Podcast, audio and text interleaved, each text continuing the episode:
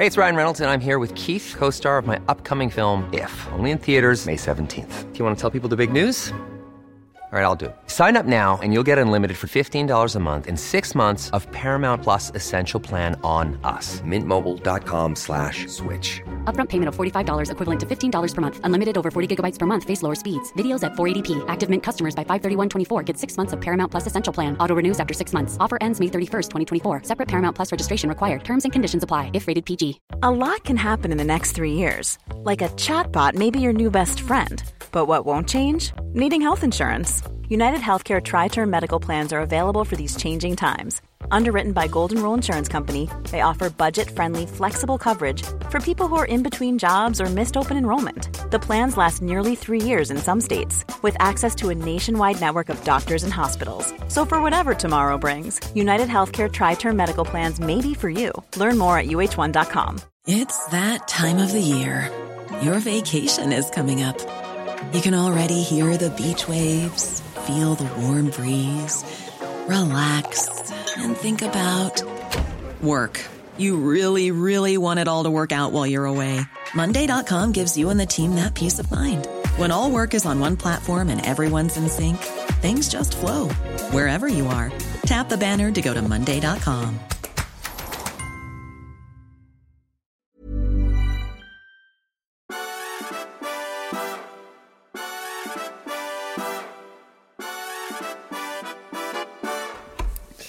God kväll då.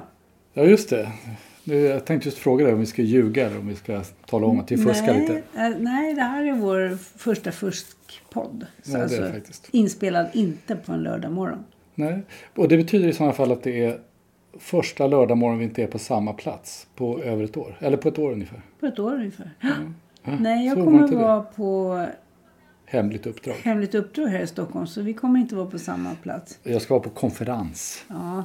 Mitt hemliga uppdrag kanske är mindre hemligt någon gång i början på hösten. Men det får vi se då. Ja, det får vi Ja. se. Det vet man inte. En Man del vet. uppdrag förblir hemliga, tyvärr. Ja, det är ju så. Mycket, många av mina uppdrag känns så. Som om de aldrig liksom riktigt... Som en spion liksom. Ja, tyvärr var det ingen som var intresserad av dem heller. Så att det var ingen som försökte ta reda på vad det var. Va? Det är, det, är, det är det värsta som finns. När man är hemlighetsfull och mystisk och ingen är Och intresserad. ingen av- bryr sig ett enda dugg. Men jag vill ju gärna veta här nu då. Om du kände som att du var på spionuppdrag. Var det lite så? Ehm, nej, jag, alltså du känner ju mig rätt väl. Alltså Mm. jag tror inte jag har nerver för, eh, Att vara spion? för att vara spion. Nej. Jag blir för nervös. Jag, blir för, jag, är inte stress, jag är inte stresstålig. Du har inte ärmarna så sydda som din gamla släkting skulle ha sagt. Nej, Min gamla släktings vän till och med. Men, ja. Ja. Nej men eh, det där med att vara spion. Jag har funderat ganska mycket på det. Jag Ja. tycker det är intressant. Alltså du hade en baktanke också. Jag tror bara det var en fråga. Okej. Nej men jag tänker på det här med. Jag har en föreställning om att den som verkligen blir en spion på riktigt. Alltså en användbar person. Den har aldrig någon väg tillbaka. Alltså Mm. man är helt enkelt eh, förbrukad i och med att man har varit där ute. Så man får Hur liksom... menar du att man liksom eh, psykologiskt Ja. inte, att man själv inte kan ta sig tillbaka? eller Nej, att man är hur alltså då? att man inte... Uppdragsgivaren har ingen nytta av en och de kommer bara dumpa en därför att man kan inte stå fast vid spionen eller göra någonting för den personen. Utan det man lägger i potten är liksom sitt eget öde. Ja, Sen står så- man, sådär, spioner som kommer in från kylan, jag tror inte riktigt på det. Jag tror inte man kommer in från kylan utan Nej, man och går det- längre och längre ut i kylan. Nej, fast det är ju ganska bra exempel på alltså Le Carré som skrev den och som skrivit många andra sådana här liknande. Det är ofta det som händer ju. Mm. Även i den boken. Det är ju det är inte så att man kommer tillbaka och allting är frida fröjd utan man kommer tillbaka kanske och allting är fel eller upp och ner eller ja du vet. Ja. Så det kan ligga någonting där. Du, men jag tycker jag börjar fundera på, du är väldigt intresserad av det. Jag kommer ihåg när vi såg The Americans, den här serien. Om Mm. Mycket två bra. Sleepers. sleepers alltså ryska spioner i USA på 80-talet. Ja. Och vi började titta på den och var kanske inte jätteimponerade av, av, av själva skådespeleriet och sådär. Jag var fascinerad därför att det var en väldigt bra scenografi från amerikanskt 80-tal när jag gick i high school där. Det var kul att se liksom, man kände igen väldigt mycket. Men sen så när vi tittade längre och längre så blev den ju faktiskt bättre. Det var en sån här serie som blev bättre. Ja, eftersom det här spionparet då Ja. inte är ett par egentligen från Nej, början. Utan nej, de är nej. utbildade i Moskva och talar oerhört bra amerikanska. Och eh, ska då spela en familj. Ja. Och, Och bildar ju familj. så, sen blir de ett par och bildar familj och får två barn. Ja, Det är bara det att de här barnen har liksom inga släktingar överhuvudtaget. nej. Det är Och, väldigt konstigt alltihopa. och pappan till slut vill ju vara kvar. Och ja, det, och det, paret får helt olika Ja. inställning till sitt uppdrag. Ja, och där, där ligger ju någonting det där som du var inne på. Att man, det är svårt att ta sig tillbaka. Liksom. När man väl har levt sig in i den här eh, skenpersonen så blir man kanske den här skenpersonen också. Ja, Eller hur? ja man måste alltid hålla isär eh, sina olika... Men varför, Lådor. men varför är du så intresserad av det? Vill du bli någon inte. annan? Vill du, eh, är du spion kanske? Fast du inte har berättat det för mig. Kan det vara så? Självklart För inte vem? älskling. Nej. Det skulle jag väl ha sagt till dig om jag var Men då, spion. för vem och vad spionerar du på? Så intressant är det inte. Det är, en Du ser ju mest det är en jättespännande fråga. Ja. Ja, ja jag ser mest det. Nej, nej ja, eh, jag, jag får avstå från att skulle svara. du vara spion skulle du ha ett mycket bättre svar på det där. Så är, nu är du avslöjad. Jag avslöjar. Ja. Nej, Eller så är du en väldigt dålig Jag spion. kan man jag har- också. det kan man ju också vara. Då ligger man ju risigt till ganska snabbt. Mm. Nej, jag har eh, faktiskt en hel lista med spionböcker böcker som jag tänkte läsa här. Inte i sommar kanske. Det förvånade mig verkligen att du plötsligt drog upp, du har inte sagt ett ord om det, så Nej. har du en hel lista i datorn Ja. på spionböcker. The Spy and the Traitor by Ben McIntyre. Då säger du plötsligt att den har du i Jag lå- tror att jag har den, men jag har inte läst den. Men jag läste annat av Ben McIntyre, han skriver rätt bra. handlar om Oleg Gordievsky som eh, var spion för MI6 i, i Moskva. Han hoppade av KGB. Ja, precis. Mm. Ja, nej, men vi, jag vet inte hur intressant det här är för, eh, För folk i allmänhet. Men jag tycker att det är någonting oerhört intressant med Ja. att eh, Ja, att lyckas, eh, vad ska vi säga, få, få ut information genom att förhålla sig på helt olika sätt till olika människor. Aha, det där, är- det där har du sagt förut någon gång när, när du eh, pratade om varför du började jobba som journalist. Ja, jaha, att du tyckte att det var jättebra för att du var så nyfiken och äntligen hade du en ursäkt att vara nyfiken och ställa frågor om allting. Ja, Utan att verka oförskämd. Fast de flesta tycker att journalister är oförskämda i och för sig. Men, i och för sig. Men jag, jag kände att det var jobbet att Ja, ställa frågor. mm. Ja, jag, det- jag, det ligger jag tänkte att jag skulle liksom maskera mitt, min nyfikenhet genom att vara journalist. Men sen förstod jag att det är det som är jobbet. Att vara Mm. nyfiken. Ja, det brukar det vara då i alla fall. Det brukar journalister mest ägna sig åt Nu är det att mer AI och predika. annat Ja. skräp. Hörru, men apropå böcker och vad man ska läsa i sommar Ja. så måste jag säga att eh, i tio års tid så har ju jag och eh, några andra personer, Peter Bodén på Hundörats antikvariat Mm. och Marianne von Baumgarten och i år även Eva Landahl och Thomas Nordahlstad ordnat en bokdag i eh, Borrby. Mm. I år, av någon anledning, och jag vet inte om det här är ett tecken i skyn, så lyckades vi sälja så få biljetter så att eh, Det har aldrig hänt förut. det har inte hänt på tio år. Vi har haft en väntelista. Mm. Jag vet inte om det här är ljudbokens triumf. Det heter ju inte ljudbok, men den kallas ju för det. Eh, eller, eller hur vi ska se på saken. Mm. Jag tror att det är en slump. Jag tror att Det det, har hänt slump. något konstigt. Att det inte har gått ut som det brukar eller att det är någonting som har varit fel någonstans. Men det, det um, sånt händer ju. Jag tror, för att jag tror inte intresset för böcker är mindre. Jag menar, s- man, man slår upp tidningen så skrivs det en massa om böcker. Och det, det skrivs en väldig massa, alltså, inte bara om böcker utan det skrivs en massa böcker också. Jag vet inte. Fast det, ja, det är klart att jag föreslog ju det att ni skulle ha ljudbokens dag istället. Jag vet att du, jag såg, jag såg det börja blixtra i dina ögon när jag föreslog det. Ja. Nej, men då, då skulle jag i alla fall vilja hålla fram några av de böckerna nu när jag inte kan göra det på plats Jaså? i Borrby för 70 eh, bokälskare. Ja. Ja, Silla Naumann har skrivit en roman som heter Skäret. Den har otroligt intressant konstruktion. Mm. Nämligen att man förstår efter ett tag i, i läsningen att eh, berättarjaget är Är det en spoiler det här nu? En spoiler alert? Nej. Nej, det är inte så farligt tror jag. Eh, berättarjaget är ett, ett, ett barn Mhm. som dör tidigt.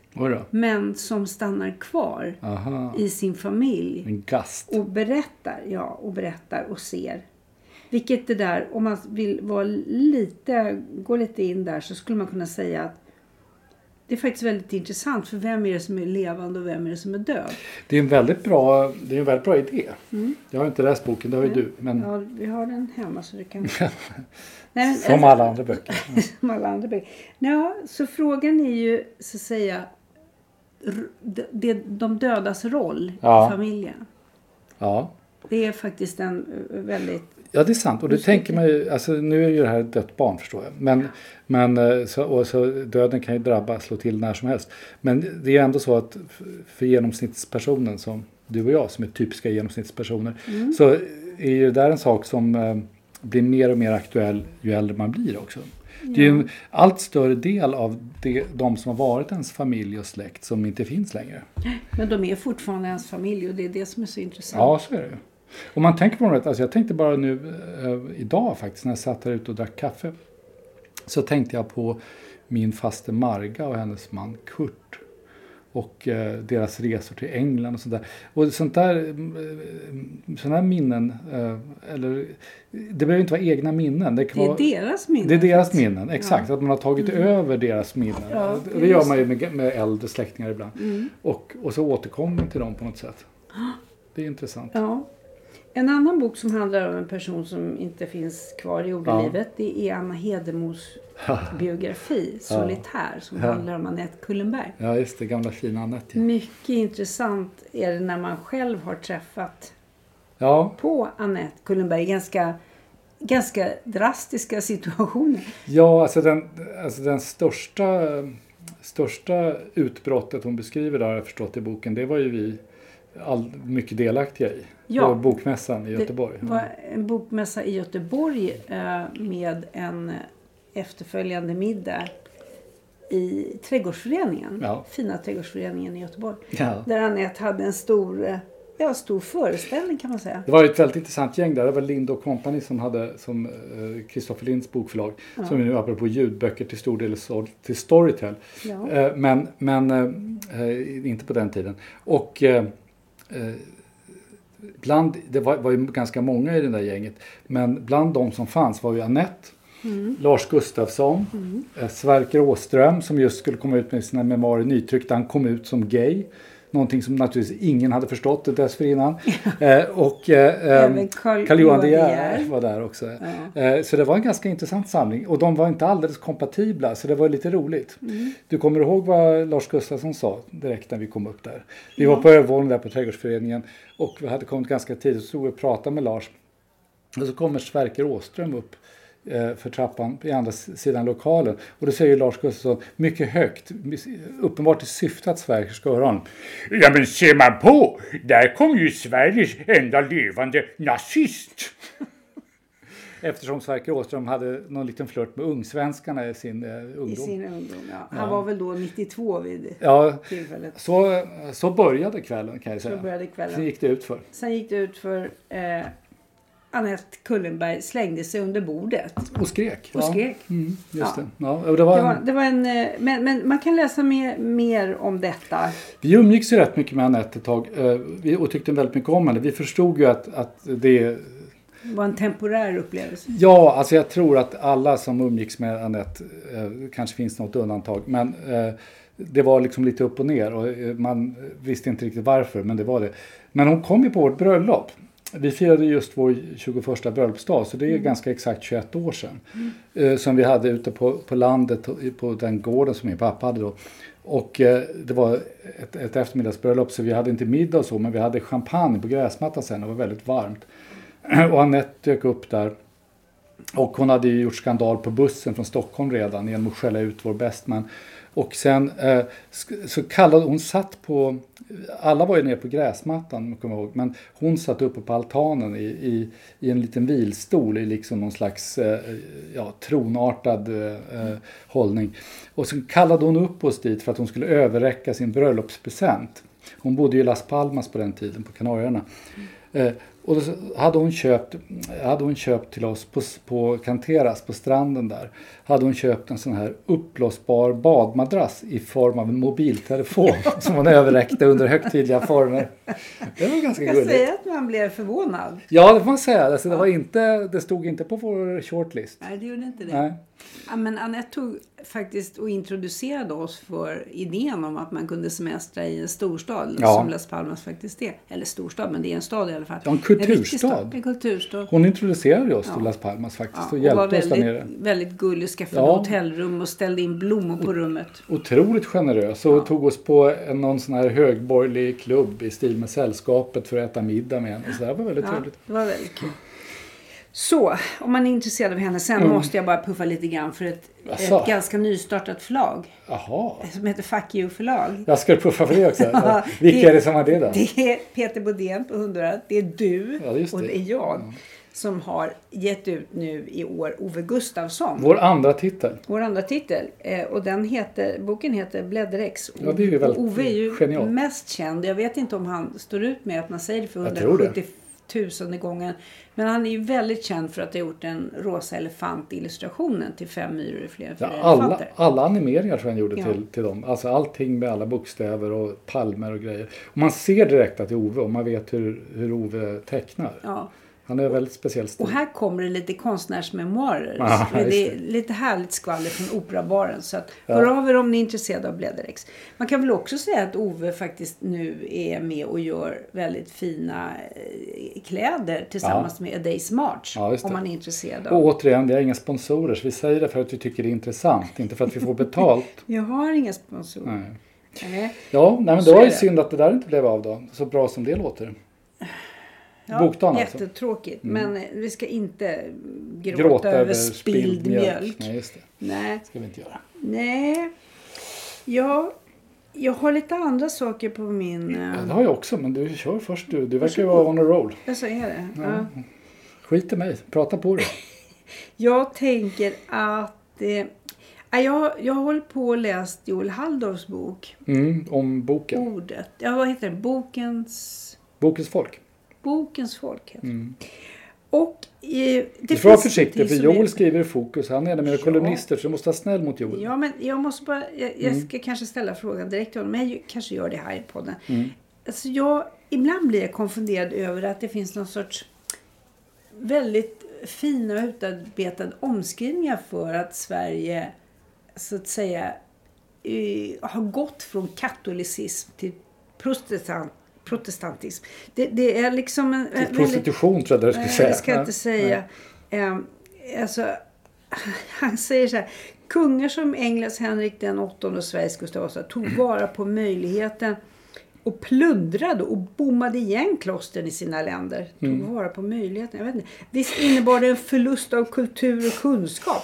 Men den var möjlig att ersätta med bokverkstäder, universitet och tryckerier. Det här var bara ett exempel. Jag ska inte ta fler ja, men det är lite, jag håller med att han missar lite Pol Pot-faktorn där hos Gustav Vasa. Man säger så. Ja, jag blir lite, jag, Ja. det blir lite ledsen i ögat ibland. Ja. Men eh, Jag tänker som eh, Thomas Idegard, vår kompis, som numera jesuitpater brukar säga ibland när vi pratar om en svensk kyrka. Ja, den brukade vara vår. Eller det var vi som var först. Ja. Ja. Apropå böcker. Jag läste en sak eh, i Svenskan idag och idag är alltså onsdag då, eftersom vi nu fuskar lite grann. Och eh, den, den eh, i kulturdelen av Svenskan, jag tyckte det var eh, intressant och kanske en aning eh, eh, oroväckande. Det är en, en inte alldeles okänd per- person som heter Victor Galas som är, håller på och forskar i, i klimatfrågan och, och eh, politik och så, hur det där funkar. Han, finns, eh, han finns på eh, Stockholm Resilience Center. Och han har då skrivit en, en, eh, en text i i Svensk kultur som handlar om att, att vi ska inte alls tro att eh, bara för att man får de här effekterna som man hade till exempel i New York med skogsbränderna i i Kanada, att luften blir allt full med rök, alldeles orange och att det på något sätt ska göra att de som inte tror på klimatförändringarna eller inte tror att de är så farliga och så vidare, att de tar sig eh, vett och sans. Utan, utan de kommer bara hitta på nya konspirationsteorier. Dans. Och det där kan man ju alltid diskutera. Det finns en massa saker där som är intressanta. Men det är det här slutstycket som jag nu tänkte läsa upp för dig, högt. Ja, varsågod. Därför att det är ändå någon slags radio, så det är dumt att läsa det tyst. Varsågod och börja. Ja, eh, eh, som jag reagerade på. Eh, så här. Möjligen är det inte klimatkrisens ohyggliga hetta som är det största hotet mot människan. Kanske är det maktlösheten inför de krafter som undergräver vår förmåga att skapa en gemensam bild av den värld som går upp i rök framför våra ögon. Alltså i det där lilla stycket, jag förstår ju vad han menar, men i det där lilla stycket så finns det ju någonting väldigt problematiskt som man bara går förbi. Nämligen att han säger att problemet är folk som, som har an, en annan världsuppfattning än han. Problemet är att inte, ja, folk tycker andra saker men också att de uppfattar världen på ett annat sätt. Och jag kan förstå vad han menar. Jag kan i, i viss mån sympatisera för det finns ju en massa eh, riktiga jävla galenpannor där ute med sina konspirationsteorier. Men jag skulle dra mig rätt länge innan jag gick in och sa att, att problemet är andra människor som tycker fel saker eller har fel. Det är en ganska obehaglig sak att säga. Det är Och ganska... det bara slinker igenom. Och det, och det är väl egentligen någonting som verkligen skulle kunna eh, fördjupa klyftan mellan människor om man tänkte efter. Om, Ja. om, man, om man vill. Ja, nu är det något fågel där ute som är förbannad. Ja, ja, men jag vet inte ens om det hörs i den här micken. Nej, vad bra. För att micken är riktad åt andra hållet. Men det är sant, det är både måsar, nu är det en kaja också. Men det är väl trevligt att höra lite ljud. Det var Mm. överklassfest här borta också nyss på en takterrass på Tysta gatan. Men de verkar ha gått hem. Ja, Mm. det hörs inte längre i alla fall. Nej, men jag tyckte det var lite obehagligt att Ja. läsa. Men det, det är väl så att eh, det där obehaget man känner utlöses väl nästan mest av saker som ska är förment eh, välavvägda. Det är där man blir riktigt skraj när man känner djupet öppnar sig. För att det, det, jag vet inte om det är också så att personer som säger sånt där får dåligt med motfrågor. Eller redaktörer som undrar. Eller ska vi verkligen Alltså jag tror att det är en kombination av saker. Det är en kombination av att man tillhör någon slags majoritet i någon mening. Nu menar jag inte en absolut majoritet av befolkningen utan kanske av folk som sätter tonen och sådär. Va? Mm. Eh, och att man är så övertygad om att man har, har, har rätt. Och eh, inte bara rätt utan är, är, är god i någon mening. Har liksom eh, rätt uppfattning även i moralisk mening. Vilket gör att, att de som inte tycker likadant är i någon mening sämre personer. Det finns, eh, jag råkade tjuvläsa lite grann för tidningarna kommer ju så tidigt numera. Jag råkade slå upp eh, morgondagens, det vill säga torsdagens eh, Dagens Nyheter. Ja. När vi satt här och höll på och eh, käkade eh, middag. Och där skriver då eh, Åsa Wikfors, eh, som ju då kör sin kampanj om, om vetenskaplighet och allting, en artikel som handlar om att det inte finns någon cancelkultur i akademin och det är inte det som är hotet mot akademins frihet och, och, eh, och sådana saker. Och det där fick mig att tänka på en sak som P.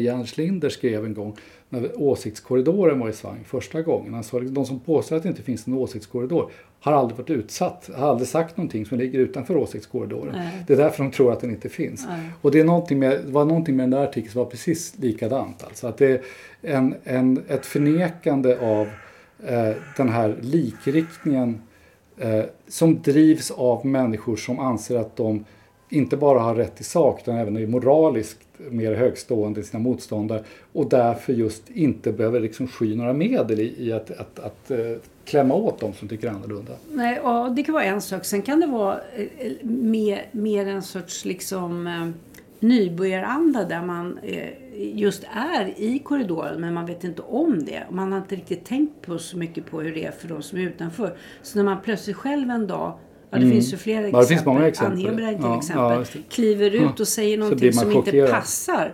Då, hon har skrivit en hel bok som heter. Fallet. Som precis. handlar om att hon inte förstod att Nej. hon skulle bli utesluten. Nej. Nu är hon ju inne igen. Men, men, och det där är ju, Mm. jag, jag vet inte vad man ska säga om det. det Det finns något konstigt i det där. För att det, det där eh, jag noterat ett par sådana här skribenter som har skrivit nu om, om eh, eh, att de inte tänker skriva här och där. Fokus är en sån tidning som de skriver att jag tänker inte skriva i Fokus, vänsterskribenter. Eh, därför att de tycker att det vore liksom korrumperande på något sätt. Eh, vilket för mig är rätt konstigt eftersom Fokus har liksom Daniel Suhonen, Theo- eh, Marcus Kallifatides, Nina Lekander. Mm. Det, det är Fredrik Sjöberg, det finns massor med folk som inte är ett, ett dugg höger. Men, men eh, det är någonting med det där också som har att göra med ovana som du var inne på lite grann. Jag tänker liksom för dig och mig, från där vi kommer, vi har ju levt i stort sett hela vårt yrkesliv i, eh, om inte ingenmansland så till och med i fiendeland. Man har ju skrivit, kors, ja, ja, man har ju skrivit hela tiden i tidningar som tycker illa om en eller uppträtt i sammanhang där folk tycker att man tycker fel saker. Och, och, och jag har aldrig, tanken har aldrig slagit mig att jag skulle bojkotta någonting för att, för att det är vänster. Nej. Alltså jag skulle gärna skriva i Flamman om, om, om jag hade någon anledning att säga någonting vettigt i Flamman. Jag har inget problem med det. Så jag förstår inte vad den här berörings... Alltså de är ovana vid att befinna sig i en situation där de inte längre har total dominans. Och det gör dem jättenervösa. Och då vänder de det till någon slags hög moralisk ställnings... eh, Hög svansföring moraliskt. Och det enda man avslöjar är ju egentligen sin egen enögdhet. Liksom... Ja, jag tycker att det finns en, jag tycker nog att man måste säga att det finns en, en eh, begränsad förmåga till, till både fantasi och eh, intellektuell nyfikenhet där, kanske. Vet du vad, vad jag Nej, tror? berätta. Nu tror jag att vi håller på... Är vi på övertid? Ja, lite Men vi hade ju precis börjat. Ja, Men det måste ju betyda att vi båda tyckte det här var väldigt kul. Ja, men jag är mycket tröttare på morgnarna. Man, får inte göra såna här fuskgrejer på kvällarna för då är jag igång. Så Mm. då kan jag, nu, nu, är jag liksom, nu har jag precis kommit till startblocken. Nu har du precis. Men eh, vi får nog ändå respektera tidslimiten. Ja, vi får göra det. Eh, vi, vi säger det. De säger ju det att det är snitt eh, pendlingen i Sverige är 23 minuter. Så vi ska försöka hålla oss till det så att folk hinner lyssna på ett avsnitt till jobbet.